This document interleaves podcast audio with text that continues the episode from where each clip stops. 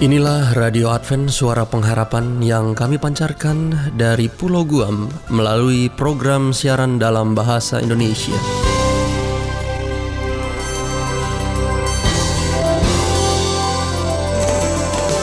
Salam sejahtera kami sampaikan kepada para pendengar kami di mana pun Anda berada. Selamat berjumpa kembali dengan kami, Radio Advent Suara Pengharapan dengan senang hati kami akan menemani Anda melalui rangkaian acara yang telah kami persiapkan khusus bagi Anda sekeluarga. Harapan kami semoga siaran ini dapat bermanfaat dan menjadi berkat bagi Anda semuanya. Selamat mengikuti dan selamat mendengarkan. Tuhan memberkati.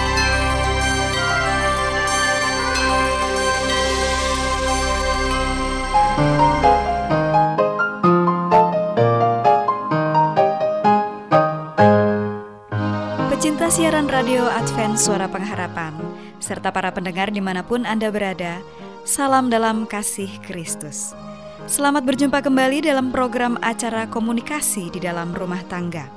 Acara ini sudah dipersiapkan dengan harapan agar dapat menambah wawasan dan pengetahuan bagi rumah tangga serta keluarga Anda masing-masing. Oleh sebab itu, kami dari studio mengucapkan selamat mengikuti.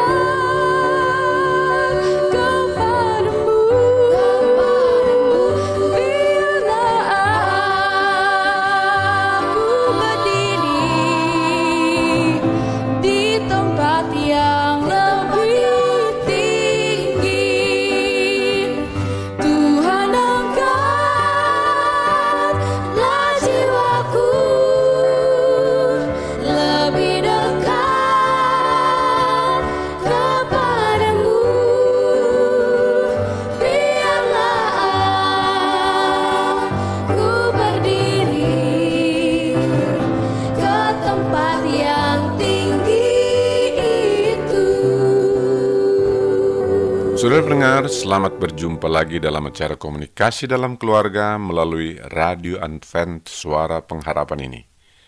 Dan pada kali ini kita akan membicarakan tentang komunikasi dengan anak-anak.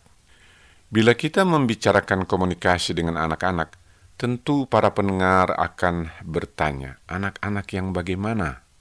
Atau anak-anak yang berumur berapa? Saudara pendengar, sebagai orang tua, baiklah barangkali kita mulai diskusi kita dengan membicarakan tentang berkomunikasi dengan anak-anak remaja. Karena komunikasi dengan mereka yang sering menimbulkan berbagai persoalan di dalam komunikasi keluarga. Saya masih teringat ketika anak-anak kami berumur 4 sampai 5 tahun, ke mana pun kita akan pergi, pasti mereka akan merengek untuk ikut. Dan bila mana tidak diikuti, pasti membuat persoalan di dalam keluarga, paling tidak tangisan meraung-raung akan menjadi bagian di dalam komunikasi tersebut. Apabila keinginan anak-anak untuk ikut dengan orang tua itu tidak terpenuhi, namun demikian umumnya persoalan tersebut akan lebih mudah diatasi. Mengapa? Paling tidak masih ada interaksi dan mungkin dialog dengan anak-anak. Dan lama-kelamaan mereka akan mengerti bahwa tidak selalu mereka harus mengikuti orang tua ke mana pun mereka pergi.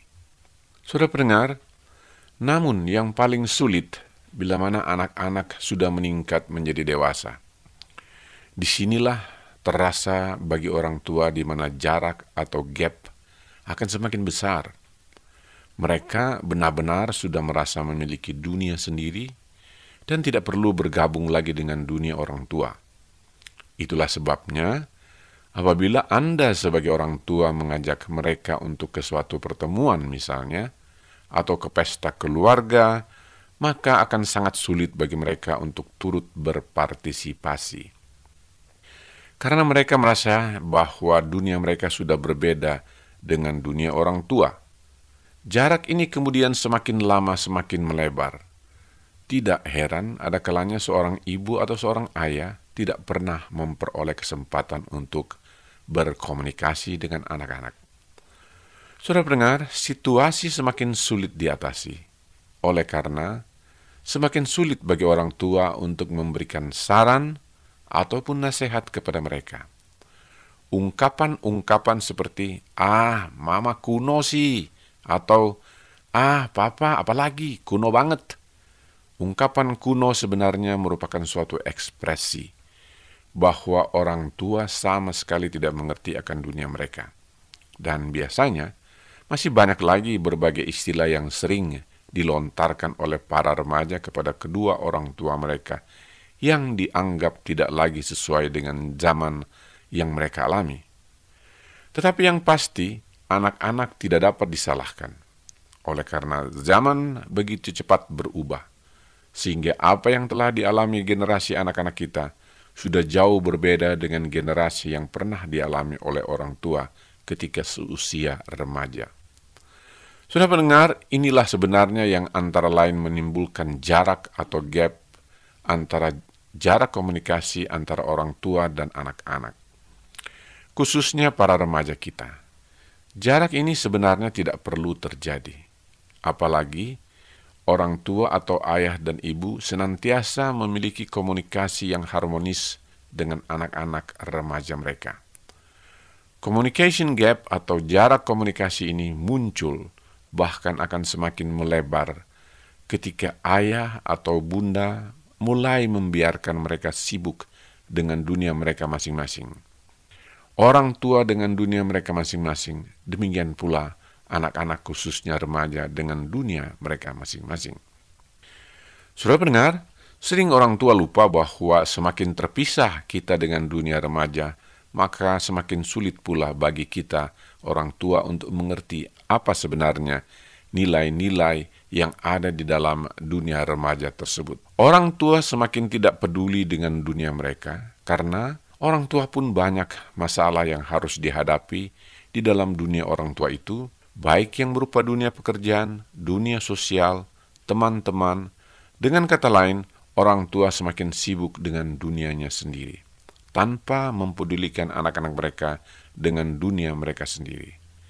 Dan yang paling parah adalah sering orang tua bahkan mengisolasikan diri mereka tanpa mau mengetahui apa sebenarnya yang sedang terjadi di dalam dunia remaja kita. Saudara pendengar, tidak heran dunia narkoba semakin merajalela dewasa ini, dan sering tanpa disadari, dunia tersebut telah masuk ke dalam keluarga tanpa diketahui oleh para orang tua. Begitu diketahui, keadaannya biasanya sudah terlambat. setan narkoba telah menelan salah satu atau mungkin lebih anggota keluarga kita. Bahkan masalah narkoba semakin menjadi momok di dalam keluarga pada umumnya disebabkan oleh kurangnya perhatian orang tua kepada anak-anak remaja kita. Sudah pendengar, bagaimana seharusnya kita menjembatani jarak yang semakin menguak lebar itu? Saudara pendengar, persoalan sekarang adalah bagaimana orang tua dapat menjembatani jarak yang semakin jauh itu. Salah satu hal yang harus diperhatikan bahwa sejak anak-anak kita berumur 12 tahun atau lebih, sebenarnya anak tersebut sudah secara utuh terbentuk.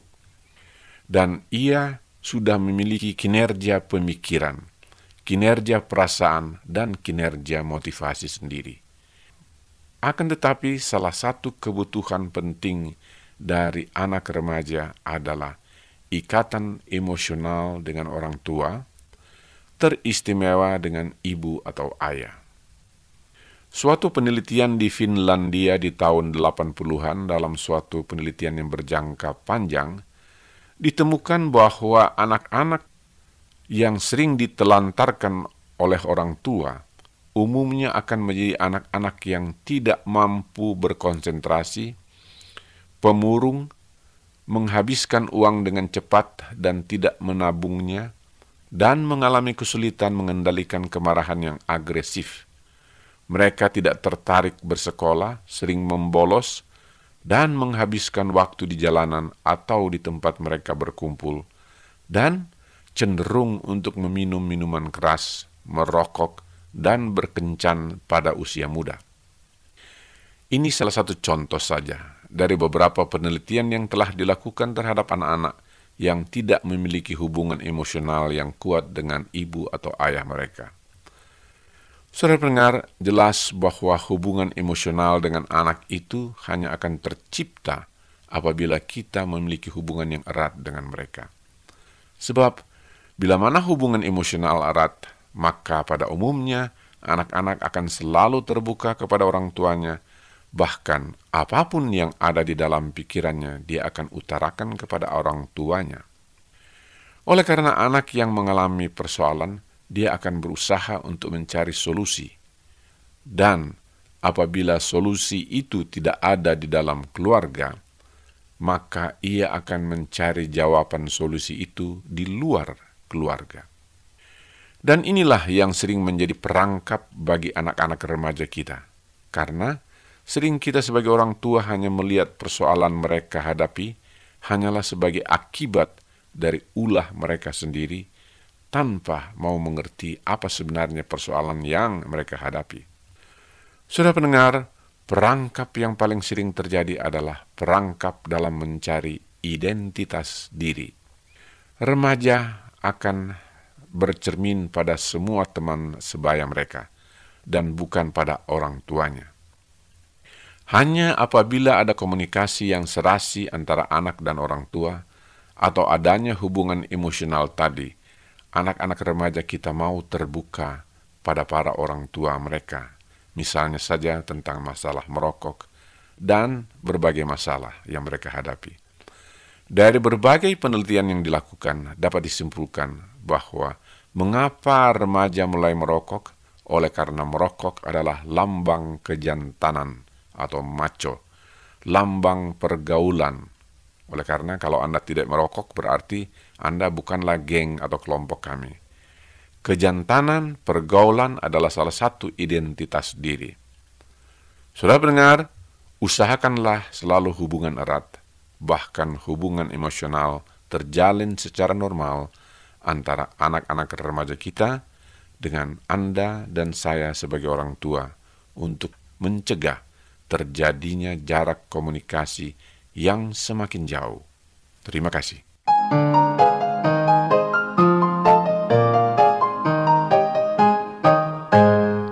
Demikianlah para pendengar setia yang dikasihi Yesus, program acara di dalam rumah tangga yang baru saja disampaikan. Besar harapan kami program ini dapat bermanfaat untuk kehidupan rumah tangga Anda sehingga dapat semakin hari semakin mengarah kepada yang lebih baik. Kami yang bertugas dari studio saat ini mohon diri, sampai bertemu kembali pada waktu berikut. Salam dan doa kami mengiringi Anda sekalian, kiranya Tuhan memberkati kita semua.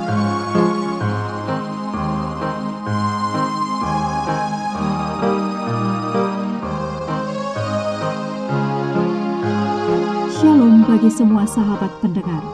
Kabar baik bahwa kisah dan kesaksian terkait siaran dan pelayanan AWR Indonesia kini dapat diikuti secara berkala, baik melalui siaran harian Radio Advent Suara Pengharapan setiap minggu kedua dan keempat, juga melalui YouTube dan Facebook AWR Indonesia. Terima kasih banyak untuk yang sudah menyampaikan dan masih terbuka bagi Anda semua untuk segera SMS atau telepon ke nomor AWR di 0821 1061 1595 atau di nomor 0816 1188 302 untuk WhatsApp dan Telegram. Kami tetap menunggu dukungan Anda.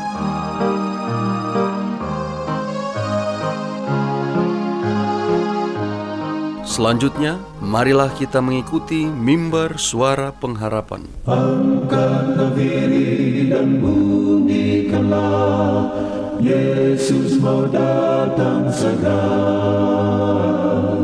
Nyanyi musafir dan pujikanlah Yesus mau datang segera Inilah mimbar suara pengharapan. Kali ini hadir ke ruangan Anda dengan membahas sebuah judul kejahatan dibinasakan. Untuk itu kami ucapkan selamat mengikuti. Bangsa marah itu tandanya Yesus mau datang segera Pengetahuan bertambah-tambah Yesus mau datang segera Datang segera, datang segera Yesus mau datang segera Saudara pendengar yang dikasihi oleh Allah, kembali lagi dalam mimbar suara pengharapan dengan saya Pendeta Muda Robert Gultom akan membahas suatu pelajaran yang berjudul Kejahatan Dibinasakan. Saudara pendengar yang dikasih oleh Tuhan, menyusul pengumuman atas hukuman yang dijatuhkan kepada mereka, iblis, para malaikatnya, dan manusia yang menjadi pengikutnya menerima hukuman. Mereka akan mengalami kematian yang kekal. Dari langit turunlah api menghanguskan mereka, semua yang tidak diselamatkan.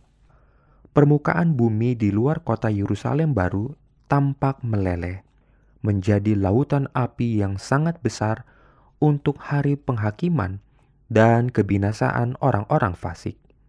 Sebab Tuhan mendatangkan hari pembalasan dan ia menunjukkan perbuatannya, ganjil perbuatannya itu. Sebab Tuhan mendatangkan hari pembalasan dan ia menunjukkan perbuatannya, ganjil perbuatannya itu dalam membinasakan musuh-musuhnya sudah saatnya tiba, kata Yohanes. Dan setiap orang yang tidak ditemukan namanya tertulis di dalam kitab kehidupan itu, ia dilemparkan ke dalam lautan api itu.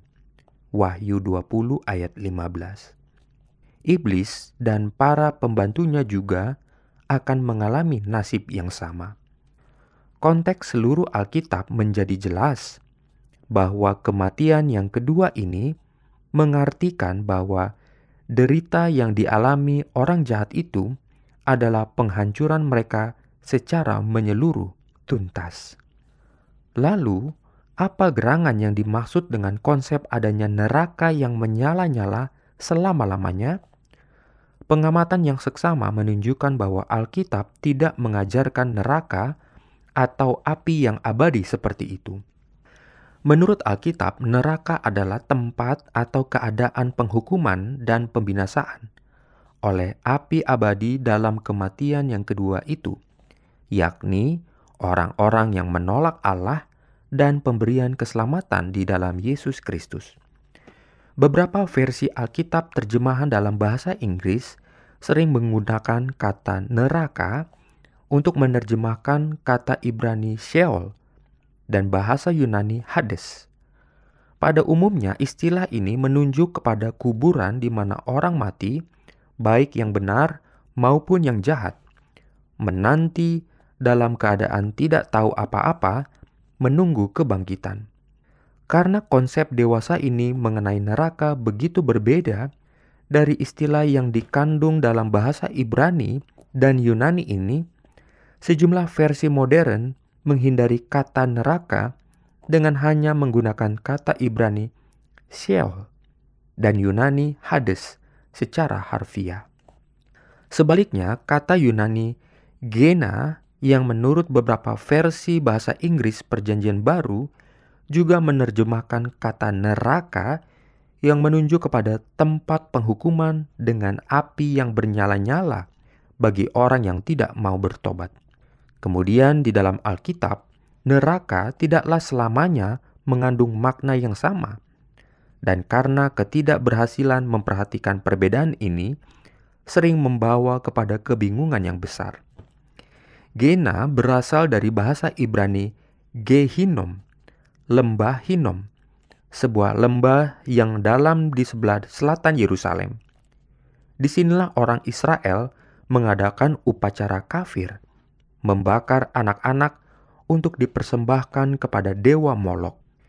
Yeremia meramalkan, karena dosa inilah maka Tuhan mengadakan lembah, sebuah lembah pembantaian, di mana mayat-mayat orang Israel akan dikuburkan di sana karena tidak ada lagi tempat yang lain. Sedangkan mayat yang lain akan menjadi makanan burung-burung. Tidak dapat diragukan lagi bahwa nubuatan Yeremia membuat orang Israel menganggap Gehinom adalah tempat penghakiman bagi orang yang jahat, tempat yang menjijikkan, hukuman dan yang memalukan. Menurut tradisi rabi yang belakangan, mereka menganggap inilah tempat membangkar bangkai dan sampah. Saudara pendengar yang dikasih oleh Tuhan, apakah Anda sudah tahu hari pembalasan itu? Tuhan memberkati. 按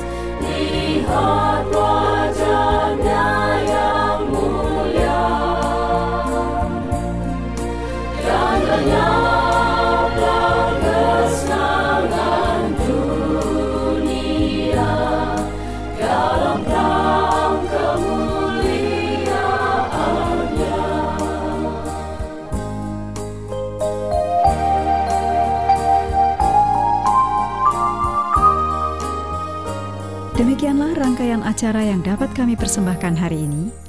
Dan apabila Anda mempunyai pertanyaan atau ingin mendapat pelajaran Alkitab penemuan baru, silakan menghubungi kami dengan cara mengirimkan surat ke alamat Radio Advent Suara Pengharapan, PO Box 8090, Jakarta 12810, Indonesia. Atau telepon ke 0821 1061 1595. Boleh mengirimkan juga email ke awrindonesia@yahoo.co.id. Anda juga dapat bergabung dengan media sosial kami di Facebook Pendengar Radio Advent Suara Pengharapan atau Radio Advent Suara Pengharapan, serta di grup WhatsApp. Para pendengar, seiring berjalannya waktu, kami berharap siaran kami setiap hari menjadi pelajaran bermakna bagi hidup Anda. Kiranya kasih Kristus akan selalu menjadi kekuatan bagi kehidupan kita. Sampai berjumpa kembali esok hari, Tuhan memberkati. Tiap hari aku selalu berjalan, ku teguh hadapi coba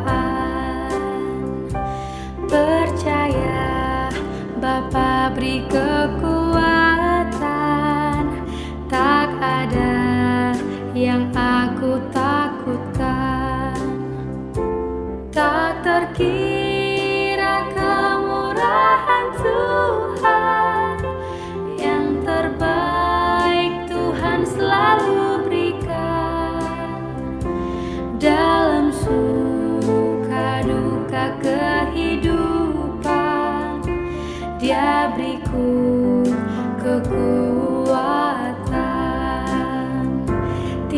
up high.